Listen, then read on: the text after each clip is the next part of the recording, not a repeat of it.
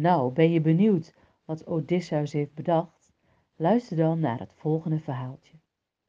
Gered. Polyphemos was in een diepe slaap, verdoofd door de wijn. Nu moest er niet meer getalmd worden. Odysseus haalde de paal met de aangeschepte punten voorschijn. Hij wakkerde het smeulend vuur aan dat door de cycloop zelf die ochtend was aangestoken. Hij stak de paal met de punt in het vuur.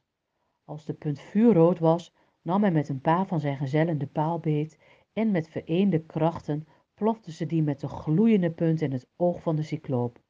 Een akelig gesis steeg op en bloed welde in gulpen op uit de geweldige oogkas. De cycloop stiet afschuwelijke kreten uit van pijn. Voor zover zijn lome leden het toelieten, kroop hij recht. Wild greep hij om zich heen in een poging om zijn belagers te vatten. Maar het licht was uit zijn oog verdwenen en Odysseus en zijn mannen waren hem te vlug af. Ze verstopten zich tussen de schapen en in de hoeken van de grot. De zwavelwonde reus bleef maar schreeuwen van de pijn, zo luid dat de naburige cyclopen kwamen toegesneld. Ze bleven voor de afgesloten ingang van de grot staan en riepen: Wat is toch de oorzaak van dit ijzelijk gebrul? Men heeft mij pijn gedaan, men heeft mij zwaar verminkt, men heeft mij blind gemaakt. Maar wie in godsnaam heeft u dat aangedaan? Dat heeft niemand gedaan.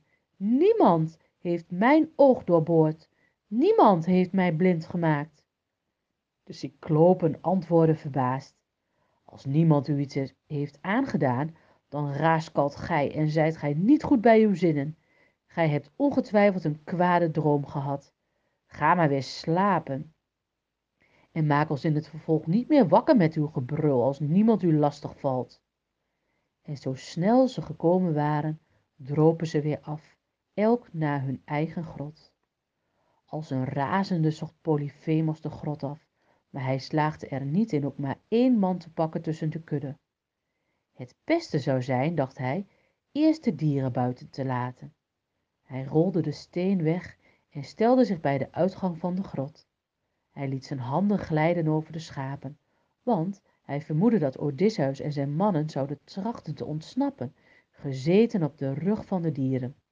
Maar weer was het Odysseus die een slim ontsnappingsplan had uitgedacht. Hij had zes keer drie schapen naast elkaar geplaatst en onder de buiken van de schapen bond hij telkens één van de zes overblijvende mannen vast. Het zou ongetwijfeld niet bij de reus opkomen om de dieren aan de onderkant te betasten. Zijn vermoeden werd bewaarheid en allen konden ontkomen. Zelf ging Odysseus onder de grote sterke ram liggen en met handen en voeten klemde hij zich vast aan zijn vacht. Toen de ram als laatste van de kudde bij de uitgang kwam, sprak Polyphemos hem toe, alleen zijn rug betastend. Lief beest, waarom loopt gij achteraan? Terwijl gij op andere dagen altijd vooraan loopt in de kudde. Treurt gij misschien om wat uw baas is aangedaan? Toen liet hij de ram gaan. Odysseus en de anderen waren gered en ze haasten zich naar hun schip. Toen ze pas ingescheept waren, kon Odysseus niet nalaten triomfantelijk naar de cycloop te roepen.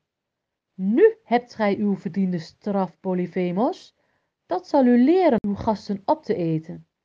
Als iemand u vraagt wie u blind gemaakt heeft, zeg dan maar dat het Odysseus is, de koning van Ithaca. Zeg maar dat het door list geschied is, zoals hij ook door list de stad Troje heeft ingenomen. En nu herinnerde Polyphemos zich dat hem ooit voorspeld was dat een vreemdeling hem het licht uit zijn ogen zou ontnemen. Hij had verwacht dat het een reus zou zijn, net als hij zelf. Voor Odysseus was hij niet op zijn hoede geweest. In wanhoop greep hij een rotspeet, brak een groot stuk af en gooide het in de zee, naar de plaats waar hij de stem van Odysseus had gehoord. Bijna werd het schip verpletterd.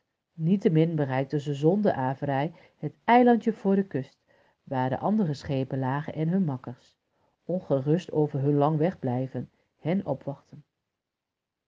Ondertussen stond Polyphemos luid weeklagend aan het strand, zijn vader Poseidon aanroepend. Vader Poseidon, als gij werkelijk mijn vader zijt, zorg er dan voor dat deze misdaad tegen uw zoon begaan niet ongestraft blijft. Laat deze Odysseus ronddolen op zee. Laat hem omkomen na jaren van veel rampspoed. Mogen hij zijn vaderland nimmer bereiken. En als het noodlot het toch anders heeft beschikt, zorg er dan tenminste voor dat al zijn schepen vergaan en dat al zijn vrienden omkomen en dat hij bij zijn eventuele thuiskomst niets ontmoet dan vijandschap en ellende.